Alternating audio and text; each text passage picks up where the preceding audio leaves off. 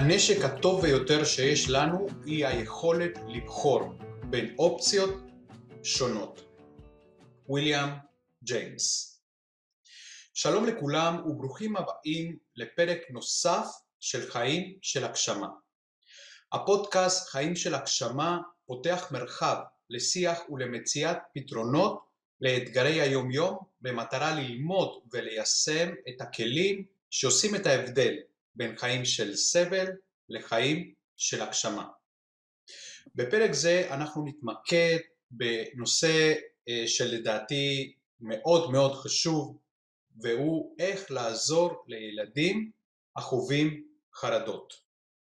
במהלך הפרק אנחנו נשוחח וננסה לתת מענה לשאלות כמו מה הן הטעויות השכיחות ביותר שהורים עושים עם ילדים שחווים אה, חרדות, איך מזהים שהילד חווה חרדה, מה עובר על הורה כאשר אה, הילד שלו חווה חרדות, מה ההבדל בין חרדה אצל מבוגרים לבין חרדות אצל ילדים, מה ילדים חווים אה, כאשר הם אה, נמצאים בחרדות והם צריכים את העזרה של ההורים שלהם אנחנו גם ניתן מענה לאיך להתמודד עם חרדה ההופכת לתלות בהורה, מהם הדרכים שהורים יכולים לעזור לילדים שחווים חרדות ומהם הסימנים שמעידים על כך שהילד צריך התערבות של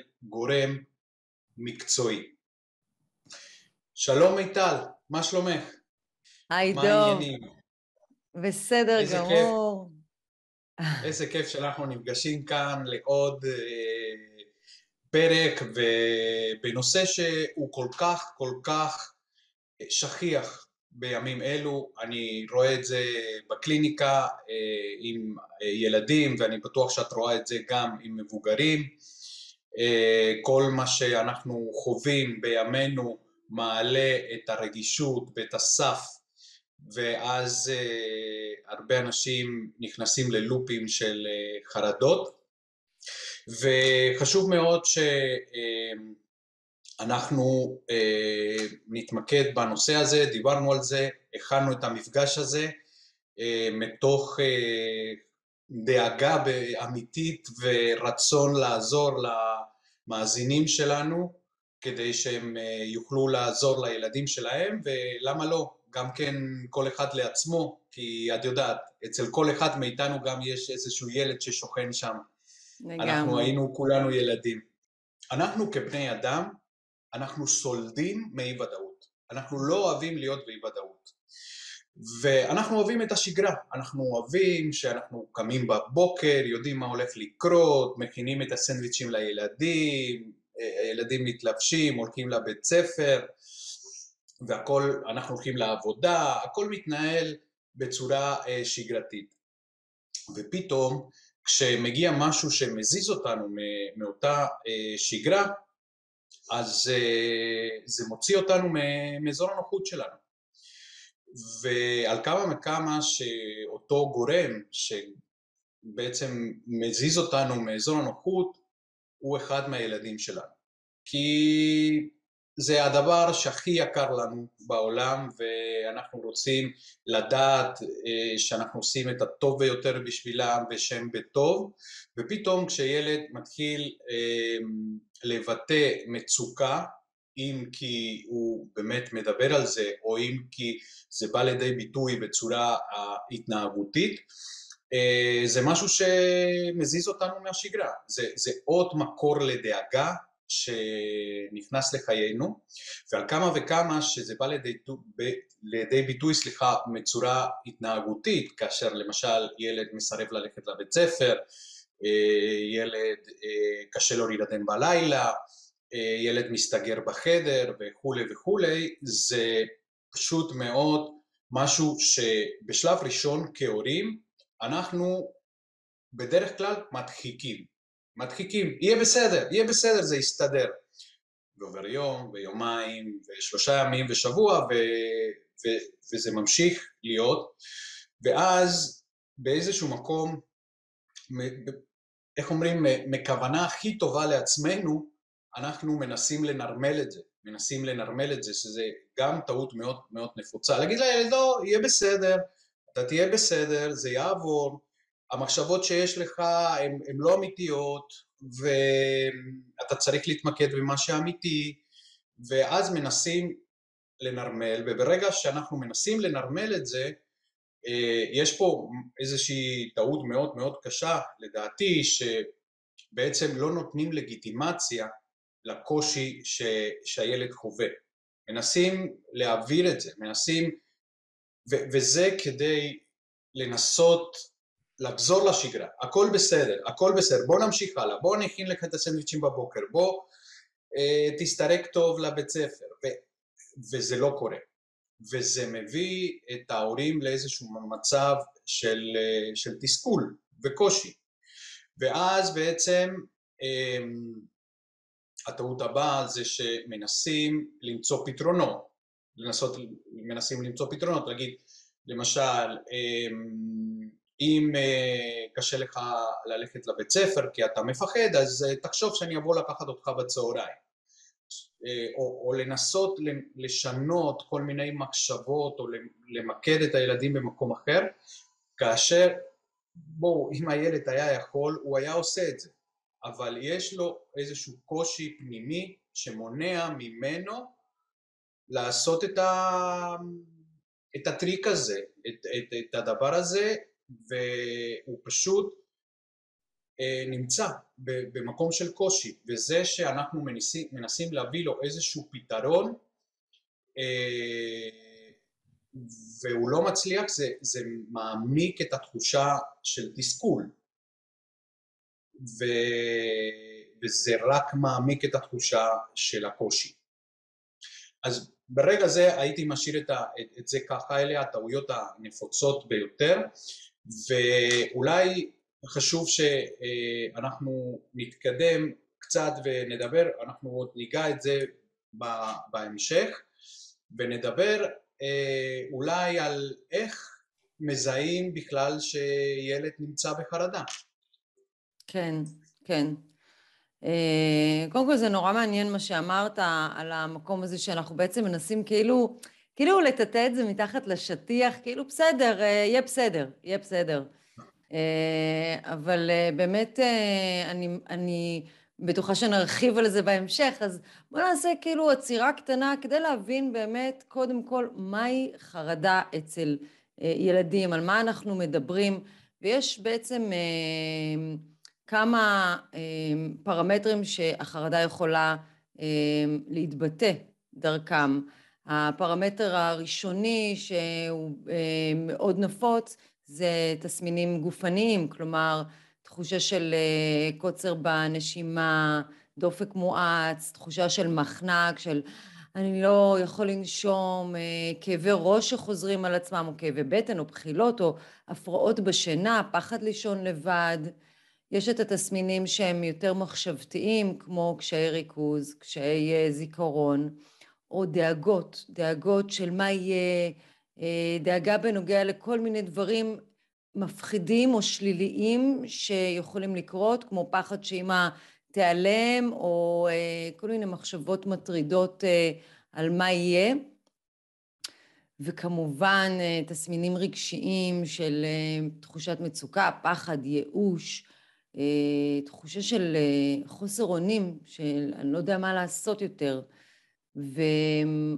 התסמינים האחרונים שאני רוצה לדבר עליהם זה תסמינים של, שהם התנהגותיים, שזה בא לידי ביטוי בצורה שאנחנו יכולים לראות עם העיניים שלנו את הילד שלנו, אה, שזה היצמדות להורים, אובר, יותר מהרגיל אה, בתקופות מסוימות, או סירוב ללכת לבית הספר או לטיולים או לחוגים אה, באופן שחוזר על עצמו. אה, כמו חוסר אה, רצון אה, ללכת אפילו לחברים או לישון אצל חברים, חזרתיות על תנועות מסוימות, אז באמת או חזרה על מילים, משפטים, תנועות מסוימות, שזה כבר סוג של הפרעת חרדה, אז באמת חשוב להיות ערים לדברים האלה, וכמובן זה רק דוגמה, החרדה היא מאוד מתוחכמת, והיא יכולה להגיע בהמון דרכים וצורות. אז מה שנגענו כאן זה טעימה אה, מהדברים הנפוצים יותר. נכון, דוב? לגמרי, לגמרי, ואמרת משהו ממש ממש חשוב, כי אני רואה, אה, כל מה שאמרת אמרת, הוא חשוב, אבל אני דווקא, מה שתפס אותי זה אה, מה שאמרת על, על חזרתיות, על טקסים, אה, שאני חושב ש, שיהיה חשוב שממש לרגע נפתח mm-hmm. סוגריים. כן. אה, כאן הרבה פעמים אני מקווה לקליניקה ילדים שההורים בעצם אה, באים ומספרים על איזושהי התנהלות אה, טקסית שחוזרת על, על עצמה והם לא מזהים והרבה פעמים זה לאו דווקא נובע מחרדה אבל כן בהרבה מאוד פעמים אני רואה ש, איך שזה קשור ורציתי ממש במשפט להסביר איך זה, איך זה קשור. כן. הרי בסופו של דבר, כמו שהתחלנו לומר בתחילת הפרק, אנחנו סולדים מאי ודאות. אה, חרדה מכניסה אותנו לאי ודאות, במובן שאנחנו לא יודעים מתי זה יבוא, מתי זה יצוץ, אה, לכן מגיע, מגיעות כל ההתנהגויות ש, שאמרת על של הימנעות. ואז בעצם אותם טקסים אה, מחברים את הילדים לאיזושהי, אה, נקרא לזה איזושהי מציאות קבועה, איזה משהו שנותן להם ביטחון. אם אה, למשל לבדוק, לא יודע, עשרים פעם אם הדלת של הבית סגור ונעול, כן. או לרחוץ ידיים, או כל מיני טקסים כאלה הם משהו שהם בהרבה מקרים תולדה של חרדה ועם הזמן, אם לא מטופל בזמן, זה הופך, זה יכול להפוך ל-OCD.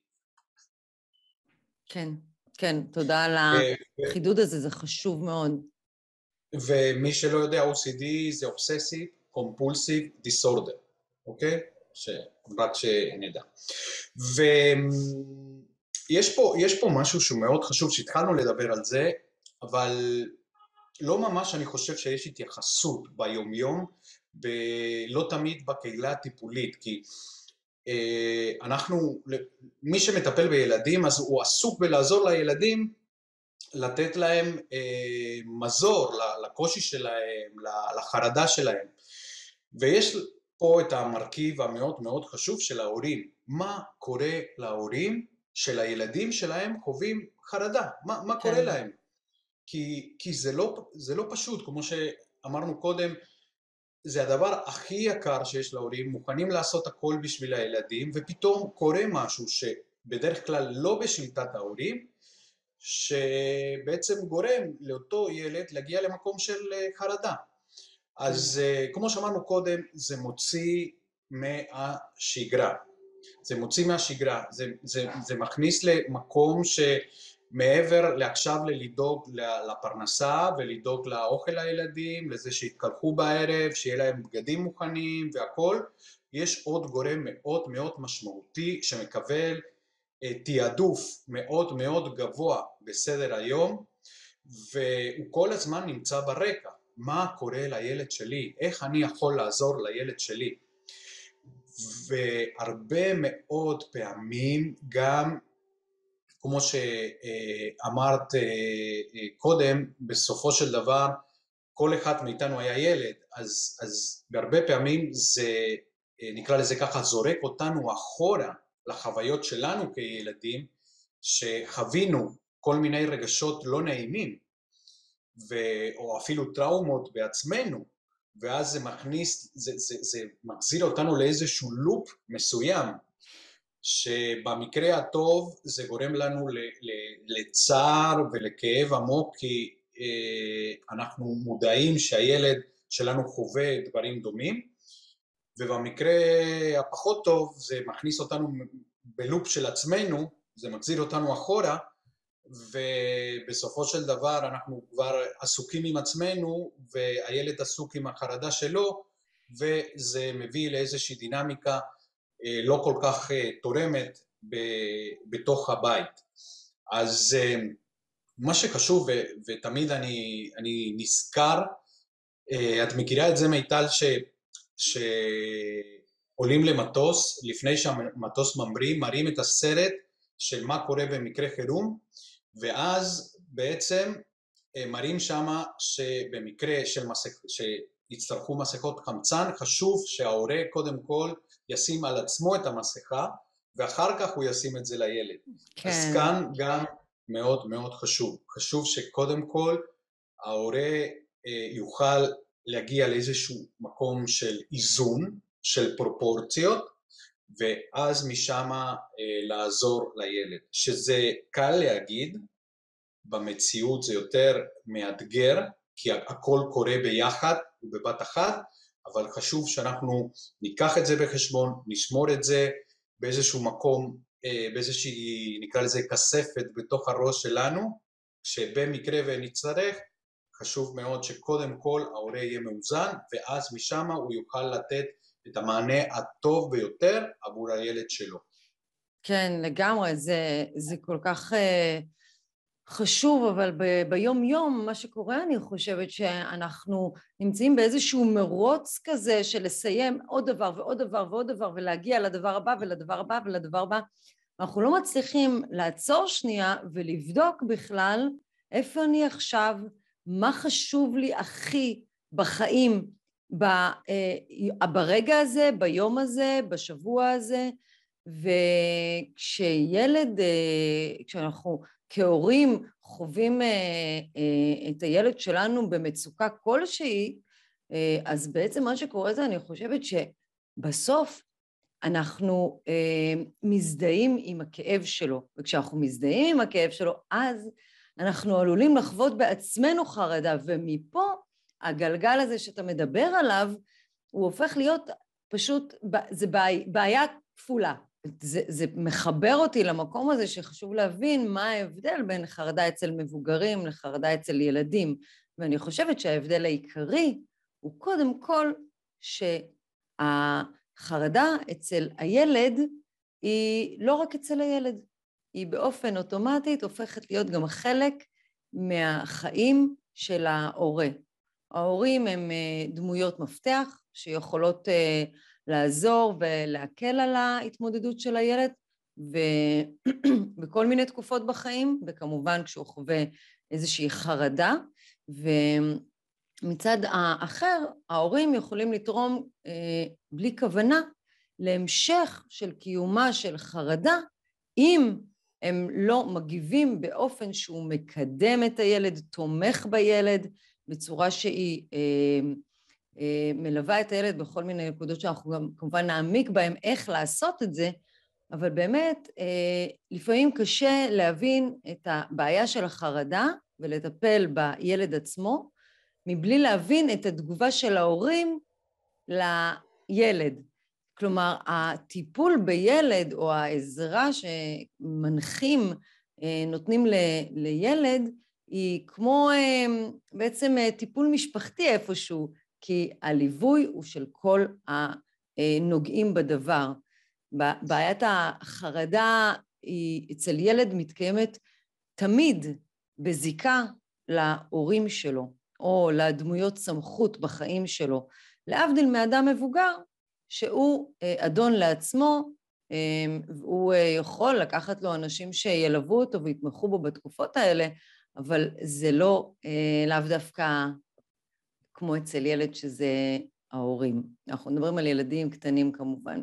כן, לגמרי, לגמרי, ונכון, כי בסופו של דבר באיזשהו מקום אצל, אצל ילדים, ילדים הם ילדים והם סומכים על ההורים ויש איזושהי ציפייה מצידם שברגע שהם נמצאים באיזשהו קושי הם יקבלו עזרה ומענה מצד אה, של ההורים. כמו שאמרת, אני מסכים איתך טוב מאוד, אצל המבוגרים בעצם יש איזושהי ציפייה, נקרא לזה ככה, של לקיחת אחריות. למרות שאנחנו פוגשים אה, הרבה מבוגרים גם, ואת בטח מכירה את זה לא פחות טוב ממני, שמפתחים איזושהי אה, תלות או איזשהו רצון שמישהו יציל אותם במקום הזה של, ה, של החרדה, ו, ואני חושב שזה אחד המקומות החשובים ביותר בתהליך הטיפולי של לקיחת אחריות. ואז אה, אם אנחנו לרגע נתמקד בציפייה, בצורך ש, שיש לילדים מההורים כאשר הם חווים אה, חרדות, אני חושב שהצורך הבסיסי ביותר זה, זה, זה להבין ש, שזה בסדר, שזה בסדר, שזה בסדר גם להיות במצב הזה. כלומר, בסדר מהמקום של לתת לגיטימציה. ולא להפוך את הילד למקום של uh, אתה מדמיין או אתה סתם uh, חושב על דברים שלא טובים לך. הילד נמצא בחרדה, זה, זו, זה המצב. כמו שאמרת קודם, אנחנו לא יכולים לטאטות את הפיל מתחת לשטיח. הפיל נמצא באמצע החדר ואנחנו לא יכולים להתעלם ממנו. לכן אני חושב שזה הדבר הנכון ביותר זה, זה קודם כל לדבר עם הילדים בגובה העיניים ואנחנו עוד ניגע ב, בדרכים איך אפשר לעזור ל, לילדים אבל אני חושב שמתן לגיטימציה לילד אפילו בלי לתת מענה לרגע לצורך הבסיסי שיש לכל אחד מאיתנו למצוא פתרון. בוא, בואו לא נמצא פתרון רגע, בואו נהיה במקום הזה. עכשיו אני מפחד, עכשיו אני בחרדה. זה המצב. אז ככה ש, שאני חושב שבמקום הזה um, הילד יכול להבין שזה משהו שקורה, זה משהו שקורה גם לאנשים אחרים, אפילו לילדים אחרים, יכול להיות שגם להורה זה קרה מתישהו, וגם לשתף אה, זה משהו שמאוד יכול לעזור.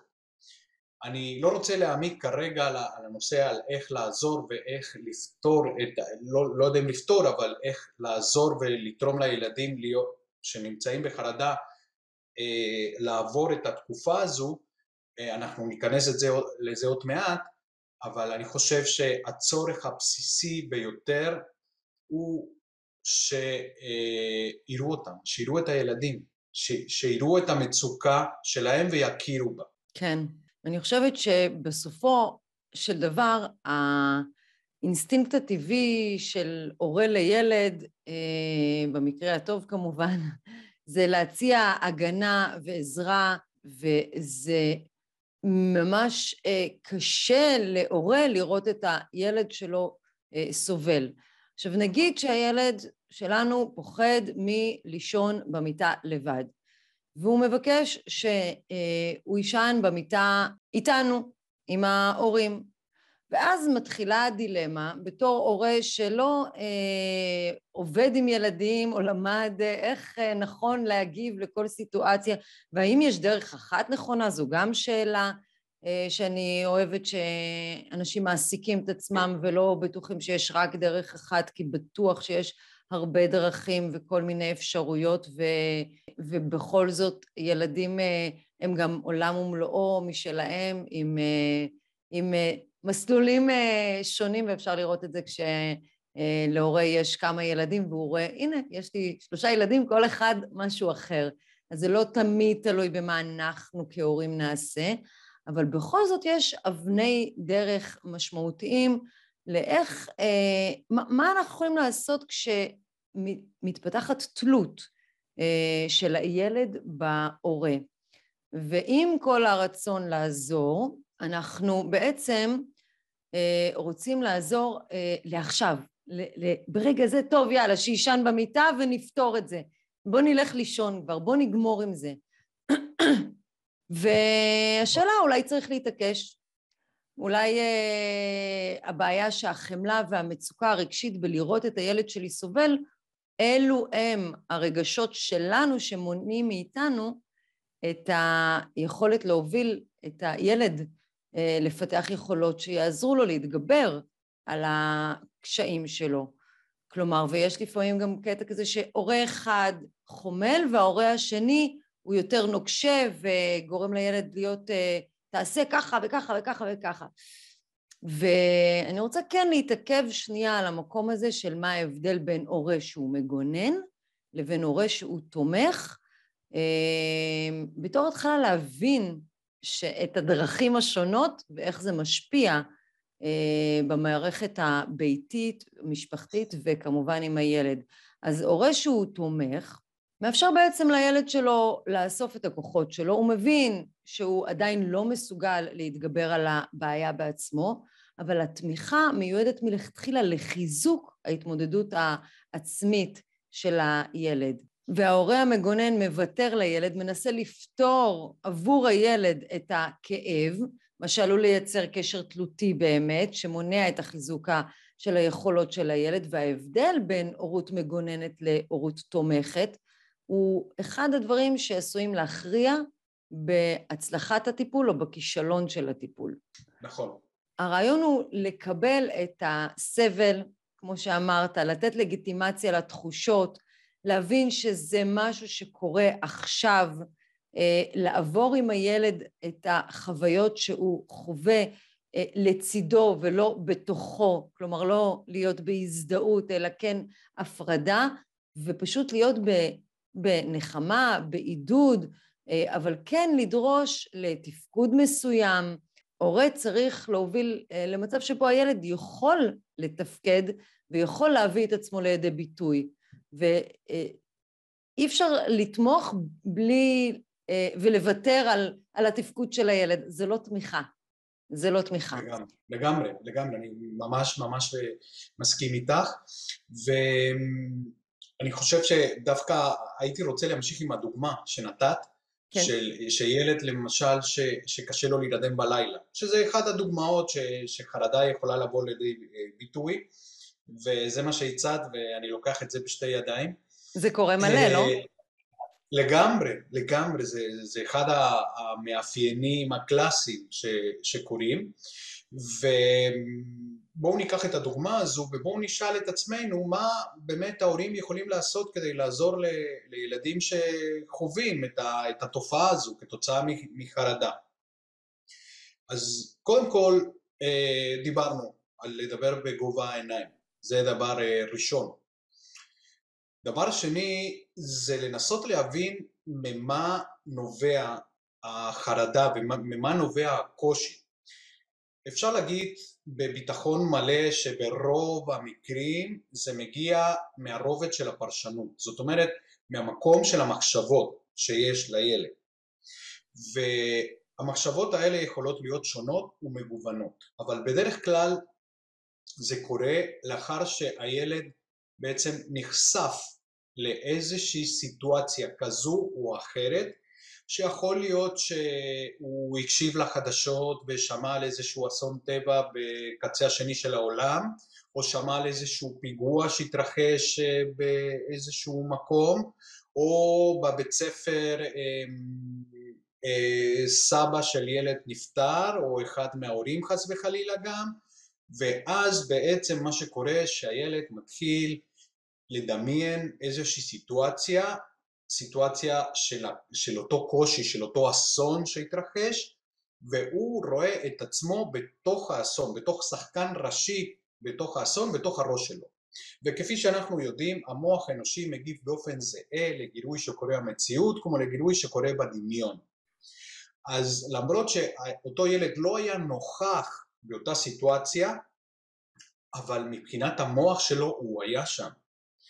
וזה יכול להפוך לאירוע טראומטי לכל דבר בעניין, ואז בסופו של דבר התפקיד הבסיסי היצרי ביותר של תת המודע שלנו זה להבטיח את ההישרדות שלנו הפיזית והרגשית ואז בעצם התת מודע כאילו אומר ברקע, ניכנס רגע מאחורי הקלעים, אומר ברקע אמ, אוקיי אין לך את הכלים להתמודד עם זה, הרגש שאתה חווה כל פעם שאתה חושב על זה זה מביא אותך לאיזשהו מצב של סכנה הישרדותית רגשית, אז אל תדאג, אני התת מודע שלך, אני אעלה עכשיו איזשהו דפוס שכל פעם שבעצם יש סיטואציה שיש לה פוטנציאל להתפתח לאותו רגש, אני ארחיק אותך משם. ואז בעצם זה יכול לבוא לידי ביטוי למשל כמו ש... מה שאמרת מיטל שזה הפרעות שינה שהילד לא יכול, הוא רוצה אבל הוא לא יכול, זה יותר חזק ממנו. כן. לכן כאן מאוד מאוד חשוב שאנחנו כהורים ניכנס לתמונה, כמו שאמרנו ניתן מקום לתופעה הזו שהילד אה, חווה ואחד הדברים שמאוד מאוד יכול לעזור למשל אה, אם אנחנו רוצים לעזור לילד זה למשל לעבוד עם דימויים עם הילד זאת אומרת לבוא קודם כל למקד את, את החוויה הרגשית של הילד. למקד את זה בעזרת תחושה. זאת אומרת לשאול את הילד איפה אתה חש את זה בגוף? איפה אתה מרגיש את הפחד, את החרדה, את ה... איפה, אז זה לא, כל אחד יכול להרגיש שיש כאלה בידיים, ברגליים, בבית החזה, בבטן, בראש, זה לא משנה איפה. אבל כשמיקדנו את זה, לקחנו משהו שבעצם הילד, זה, זה נמצא בכל מקום מבחינתו, ותיחמנו את זה. תיחמנו את זה לאיזשהו מקום ספציפי. ואחרי שתיקנו את זה, אנחנו יכולים לבוא ולשאול את הילד, אוקיי, כמו מה זה? למה זה דומה? כמו מה זה שאתה מכיר זה דומה? זה דומה לתופעת טבע? זה דומה ל... אה, זה משהו ששורף? זה משהו שדוקר? זה משהו שהוא כבד? כמו מה זה? כמו מה זה הדבר הזה? אוקיי? ואז בעצם תיחמנו את זה יותר, כי במשהו שלא היה לו התחלה, אמצע בסוף, זה פתאום הופך למשהו שאפשר לתפוס באמצעות החושים. שזה כבר משהו שגם עוזר ל, לילד. ואחרי שתיחמנו את זה, ונגיד הילד אומר, זה, אני פוגש הרבה את הדימוי של זה כמו הר געש, אוקיי? זה כמו הר געש שמתפוצץ, ואני מרגיש את זה פה בבית החזה. אז לשאול אותו, אוקיי, אז מה היית רוצה להרגיש במקום? מה היית רוצה להרגיש במקום? אה, אז בדרך כלל הם אומרים הייתי רוצה להרגיש שמח, בכיף, או רגוע, אז להגיד לו אוקיי, וכשאתה מרגיש רגוע, איפה אתה מרגיש את זה בגוף? ושוב לשאול וכמו מה זה? ואז נקבל דימוי אחר, נגיד כמו מים אה, רגועים, אוקיי? אז אנחנו כהורים יכולים לבוא ולהגיד אוקיי, אז בעצם מה שיש לנו לעשות זה לחשוב איך אנחנו יכולים להפוך את ההר געש למים רגועים. ולתת לילד בעצם לעשות איזושהי טרנספורמציה להר געש מהעולם שלו כדי שהם יהפכו. למים? רגועים. ואז בעצם מה שעשינו זה א' תיחמנו את זה למשהו מוחשי ודבר שני נתנו להם דרך להפוך לאקטיביים אל מול משהו שקודם לכם הם היו חסרי אונים שזה מאוד מאוד חשוב אז אני לא אומר שזו הדרך היחידה, אבל mm-hmm. כן אני חושב שזה, כמו שלפעמים נגיד אה, מישהו בבית יש לו איזושהי תאונה, יש לו חתך אה, ויש לו איזשהו דימום, אז אנחנו יכולים לשים פלסטר, אנחנו לא, לא נעשה תפרים בבית, אבל איזושהי דרך לעזור לילד להפוך לאקטיבי ורגע לנשום. זה, זה קודם כל, זה, זה ממש אה, מדליק בעיניי, ו... וזה רעיון מקסים שכל אחד יכול לעשות, אה, כל הורה יכול לעשות עם הילד שלו, אה, וזה לא חייב להיות אפילו על חרדה, זה יכול להיות על כל רגש לא נעים. וכשאתה סיפרת את זה, אז אמרתי, רגע, אז אני רוצה לשפוך את המים על האש, ואני רוצה לכבות, כבר היה לי אה, ישר פרץ של רעיונות של איך אפשר לעשות את זה, וזה משהו שאני חווה גם כשאני יושבת בקליניקה, כשאני שואלת שאלה את המונחים שלי, את המונחה או המונחה שלי, אז תמיד אני תוהה בראש איזה תשובות יכולות להגיע. אני לא יודעת מה יכול להגיע, כי כל אחד, והרבה פעמים אני מופתעת מהתשובות, ו, וכל תשובה היא בסדר, היא טובה.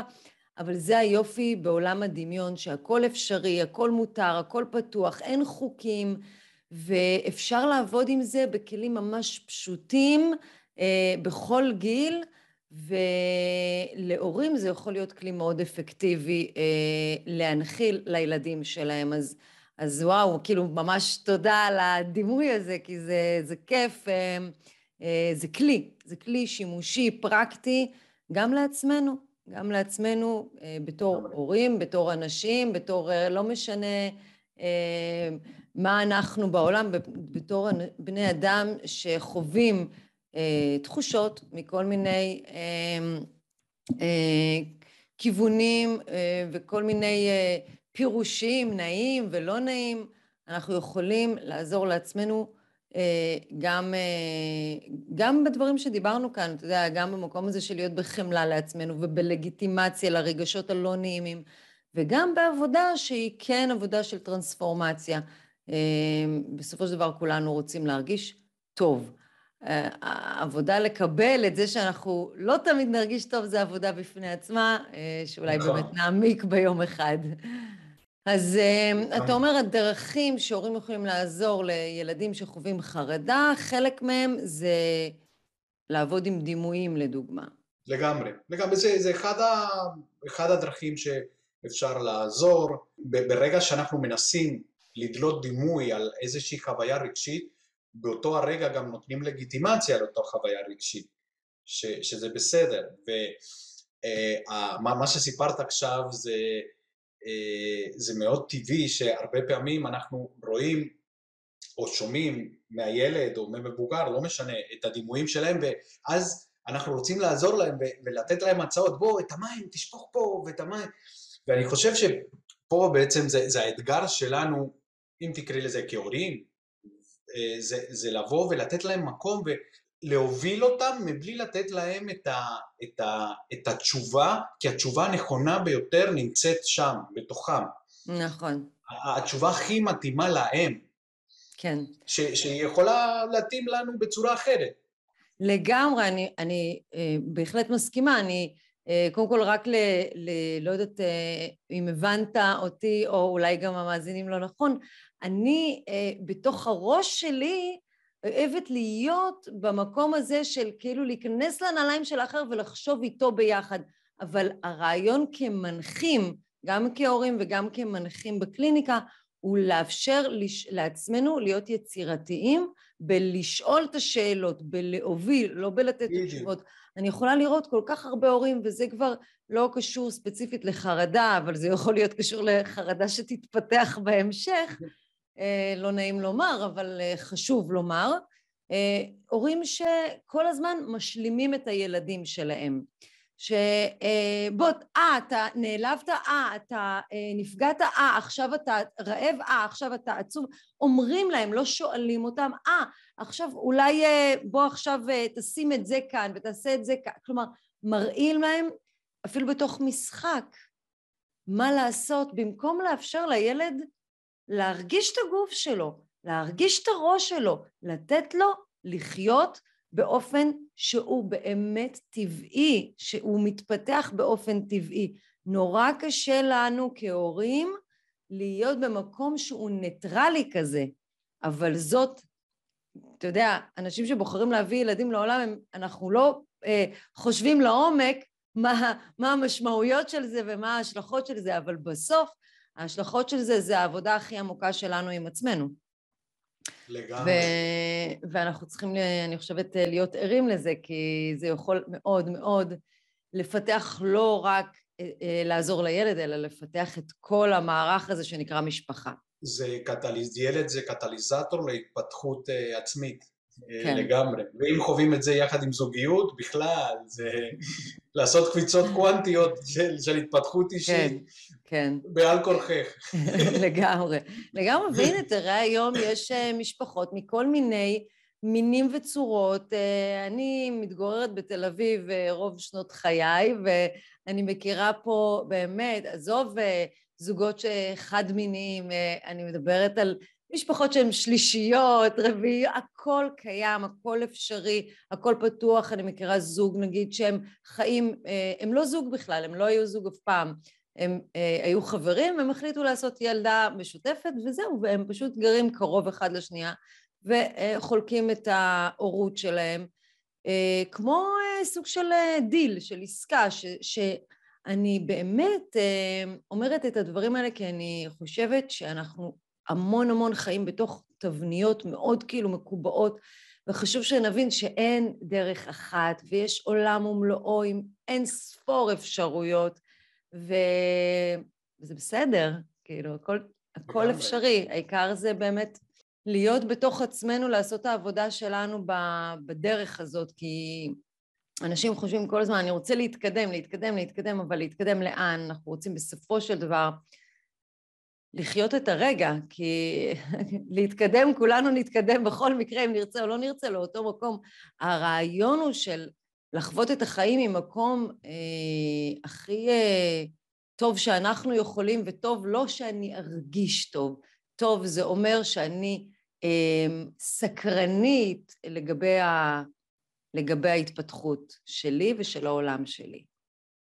לגמרי, אני ממש ממש מזדהה עם מה שאת אומרת, ו... את יודעת מה, תוך כדי ש, שאת מדברת, אני חושב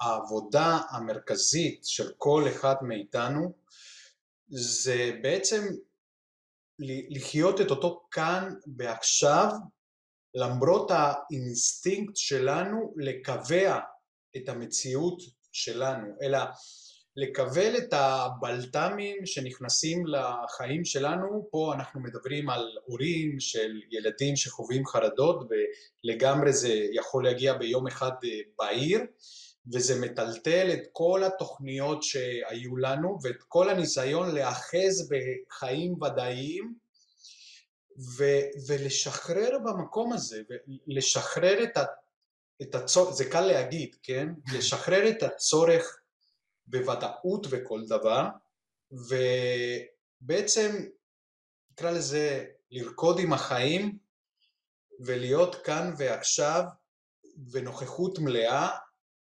בעיקר, בעיקר שזה אומר לצאת מאזור הנוחות שלנו, ששם הכי מאתגר לנו. לגמרי, לגמרי.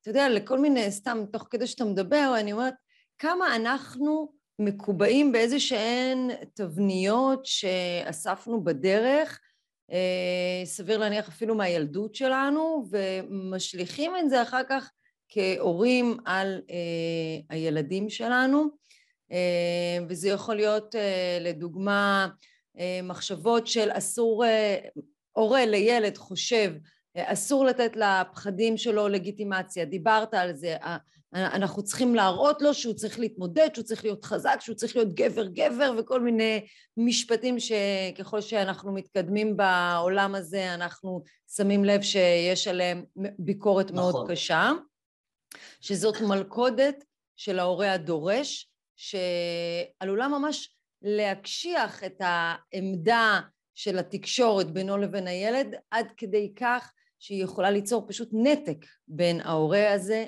לילד.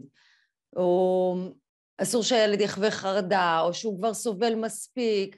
הרצון שלנו אמ, להיות בעמדה שהיא אה, רכה, אבל אה, הרכות הזאת היא, היא לא מאפשרת לילד לפתח את היכולות שלו ולפתח את החוזקות שלו. אז צריך לשים לב איך אנחנו מדברים עם עצמנו בראש כשאנחנו, לפני שאנחנו בכלל ניגשים לתקשר עם הילד, איזה סיפור אנחנו מספרים לעצמנו ואיזה סיפור אנחנו רוצים לספר לעצמנו אה, שהוא מקדם אותנו ושהוא מקדם את התקשורת עם הילד. לגמרי, וסליחה סליחה רגע, כי זה, מאוד חשוב הנקודה הזאת, להיות מודעים האם אנחנו בתוך הסיפור שאנחנו מספרים לעצמנו ונותנים מספיק מקום להבין ולהקשיב לסיפור שהילד מספר לעצמו.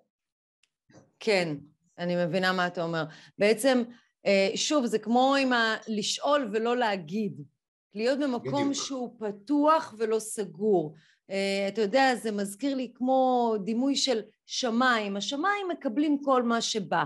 הם מקבלים אה, את השמש ואת הגשם ואת המטוס שטס לחופשה וגם את המטוס שטס למלחמה וגם את הברקים, את הכל, את מה שאנחנו בני האדם מפרשים נעים או לא נעים, ואנחנו, אני מזמינה אותנו תמיד ובפרט כהורים לילדים שחווים חרדות, לבוא כמו שמיים פתוחים. כל מה שבא זה מה שיש עכשיו ולנשום בתוך זה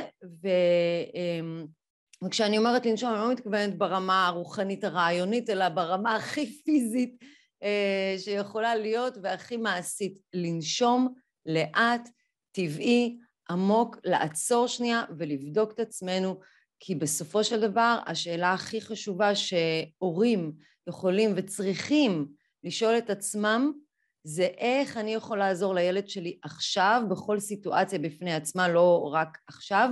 זו עמדה שמבקשת בעצם להיות עם הילד כתומך, ולא לעשות בשבילו. לגמרי, לגמרי. ולהגיד לך שממש אהבתי את הדימוי של השמיים, ואני לוקח את זה, תודה. בכיף, בכיף. אמ, אז אה, מה אתה אומר? מה, מה אתה עוד חושב שאנחנו יכולים לעשות כדי לעזור לילד שחווה אה, חרדה? ו, והאם אתה יכול לשים את האצבע על מקומות שבהם אתה אומר, רגע, הורים, ואני שואלת אותך כי בסופו של דבר, אה, למי שלא יודע, אז אני אזכיר, כי זה פרק מאוד משמעותי להזכיר בו את הנושא הזה, שאני לא עובדת עם ילדים בקליניקה, אה, וכל מי שפונה אליי אני מפנה ישירות אליך, אז אה, מי שמרגיש צורך אה, או צריך התייעצות, אז דוב הוא הכתובת, ובגלל זה אני גם שואלת אותך, מתי אתה חושב שנכון להורים לקחת את המושכות וכן, מה הסימנים בעצם שמעידים על זה שהילד צריך התערבות של גורם מקצועי? אוקיי, אז, אז אני חושב ש...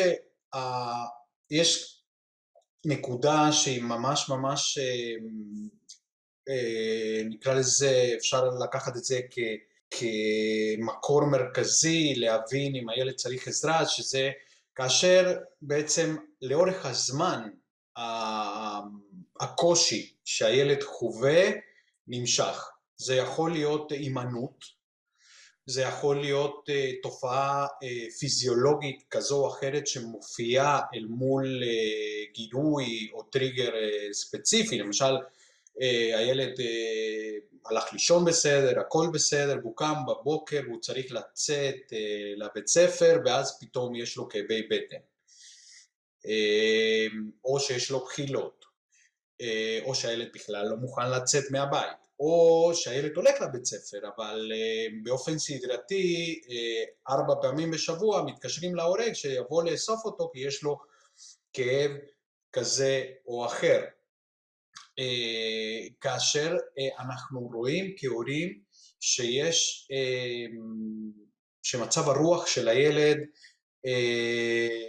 או שהוא מאוד תנודתי או שהוא מסתובב מדוכדך אנחנו יכולים לראות את זה גם כאיזושהי תופעה, נקרא לזה התנהגותית עם התפרצויות אה, זעם, אוקיי?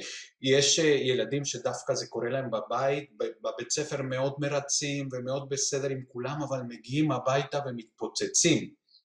עכשיו, אם אנחנו רואים אה, אה, שהתופעה נמשכת, כמובן מה שאני מציע, דבר ראשון זה לשבת עם הילד ולדבר איתו, וכמו שדיברנו כאן, בגובה העיניים ולשקף את מה שאנחנו רואים, אוקיי? לא מה שאנחנו חושבים, אלא מה שאנחנו רואים, אפרופו שמיים, ולשקף את, את מה שאנחנו רואים ו, ולשאול אותו, לשאול אותו מה עובר עליו ומה קורה לו ואיזה מחשבות יש לו ומה הוא מרגיש אה, ו, ולמה הוא זקוק.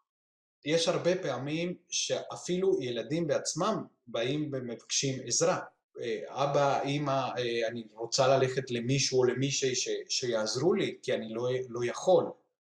ואני חושב שזה גם ביטוי של אהבה מאוד גדולה מצד הורה, לבוא ולהגיד, אני רואה שקשה לך, ואם הייתי יכול לעזור לך, הייתי עוזר לך, אבל זה, זה לא משהו שאני יודע לעשות, יש אנשים שזה המקצוע שלהם, ואז להציע להם עזרה. ו- וזה מקום להרבה הורים מאוד uh, מאתגר כי אנחנו מרגישים שאנחנו הכל נעשה בשביל הילדים שלנו אבל בדיוק כמו שילד uh, לא יודע חווה איזושהי תופעה פיזיולוגית ולוקחים אותו לרופא כי אנחנו לא כולנו רופאים מה לעשות mm-hmm. אז uh, באותו אופן uh, גם לבחון את האפשרות uh, מתי שהילד בעצם סובל והסבל הזה נמשך לאורך הזמן ואנחנו מרגישים חסרי אונים אל מול התופעה, אנחנו וגם הילד. כן, כן, אוקיי.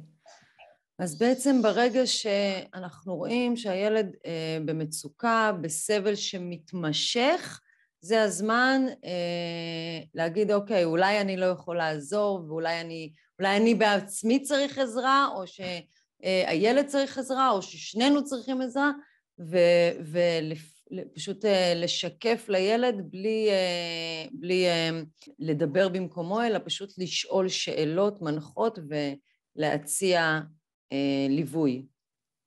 בדיוק ככה. בסדר גמור, אז נסכם? לגמרי, בכיף. אמ, אני חושבת שאני ככה אגיד את הנקודות העיקריות שככה אספתי מהשיחה שלנו, ואם אני אשכח משהו אז תעזור לי, אוקיי?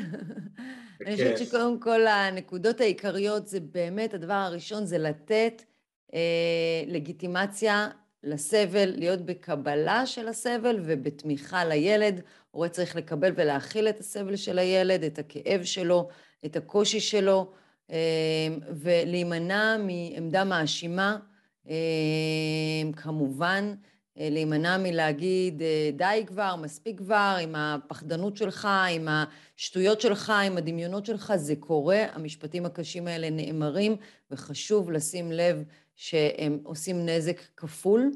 אז פשוט להושיט יד ולהיות בעידוד ותמיכה, לאפשר לילד להיות אה, בפיתוח של היכולות, אה, לבטא את עצמו וגם בשיחה וגם בהתנהגויות, לא אה, לוותר לו, טוב, אתה לא רוצה אז לא צריך, אבל גם לא להכריח. אז שוב, זה הקו הדק בין להסביר לילד שאנחנו לא רוצים לפתח הימנויות, הימנויות הן כמו גלגל, כדור שלג שרק גדל, ואנחנו לא רוצים לפתח את המקום הזה.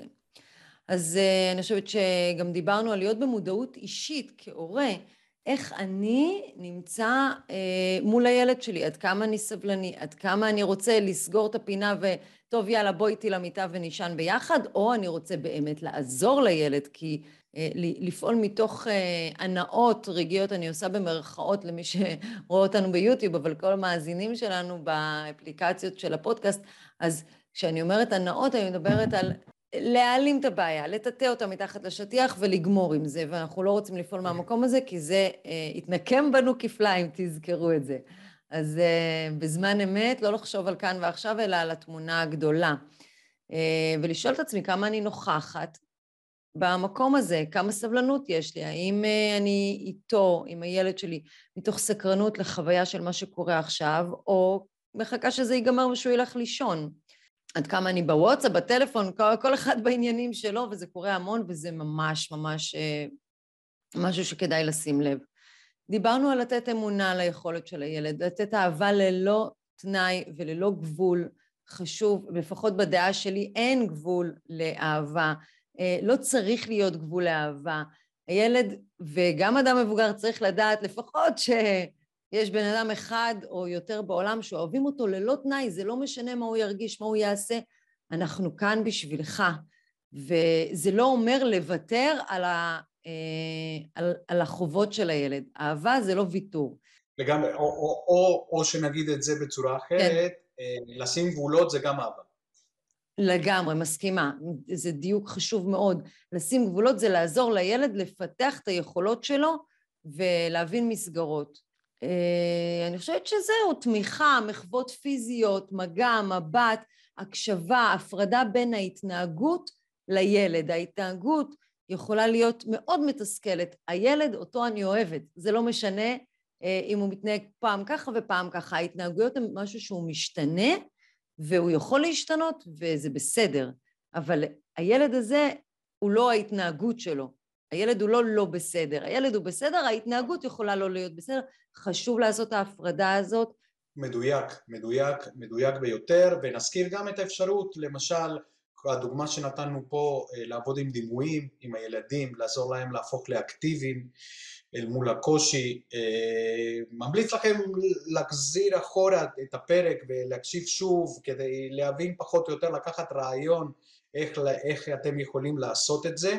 זה, זה לא מתמטיקה, זה לא פיזיקה, זה לא נוסחה, חשוב להבין את העקרונות, לשאול את השאלות הנכונות, להוביל את הילד, לתת לו, להוציא את התשובות שלו ולעבוד עם זה. זה כבר, עצם העובדה שעובדים על זה, זה כבר מוציא אותם מהחרדה למקום אחר. וזה מאוד מאוד חשוב. אה, אני נזכר תוך כדי אה, מיטל שיש איזושהי סדרה של סרטונים שעשיתי בזמנו שנוגע בנושא הזה של אה, חרדות אצל ילדים שיכול לתת הרבה רעיונות להורים אז אנחנו אם זה בסדר מבחינתך יכולים לשים קישור ברור. מתחת לפרק הזה למי שרוצה להעמיק בזה בשמחה ובאהבה רבה כן, ואני חושבת שאפשר להוסיף, לא דיברנו על זה, אבל אני יודעת שיש לך באתר המון תוכן לעבודה עם ילדים, לתרגולים, גם למנחים, גם להורים, אז פשוט אה, אני ממליצה באמת לכל מי שרוצה וסקרן להעמיק בתחום הזה, אה, להיכנס לאתר של דוב, דוב רויטמן, ו... ויש אותו, את האתרים של שנינו, כמובן מתחת ל...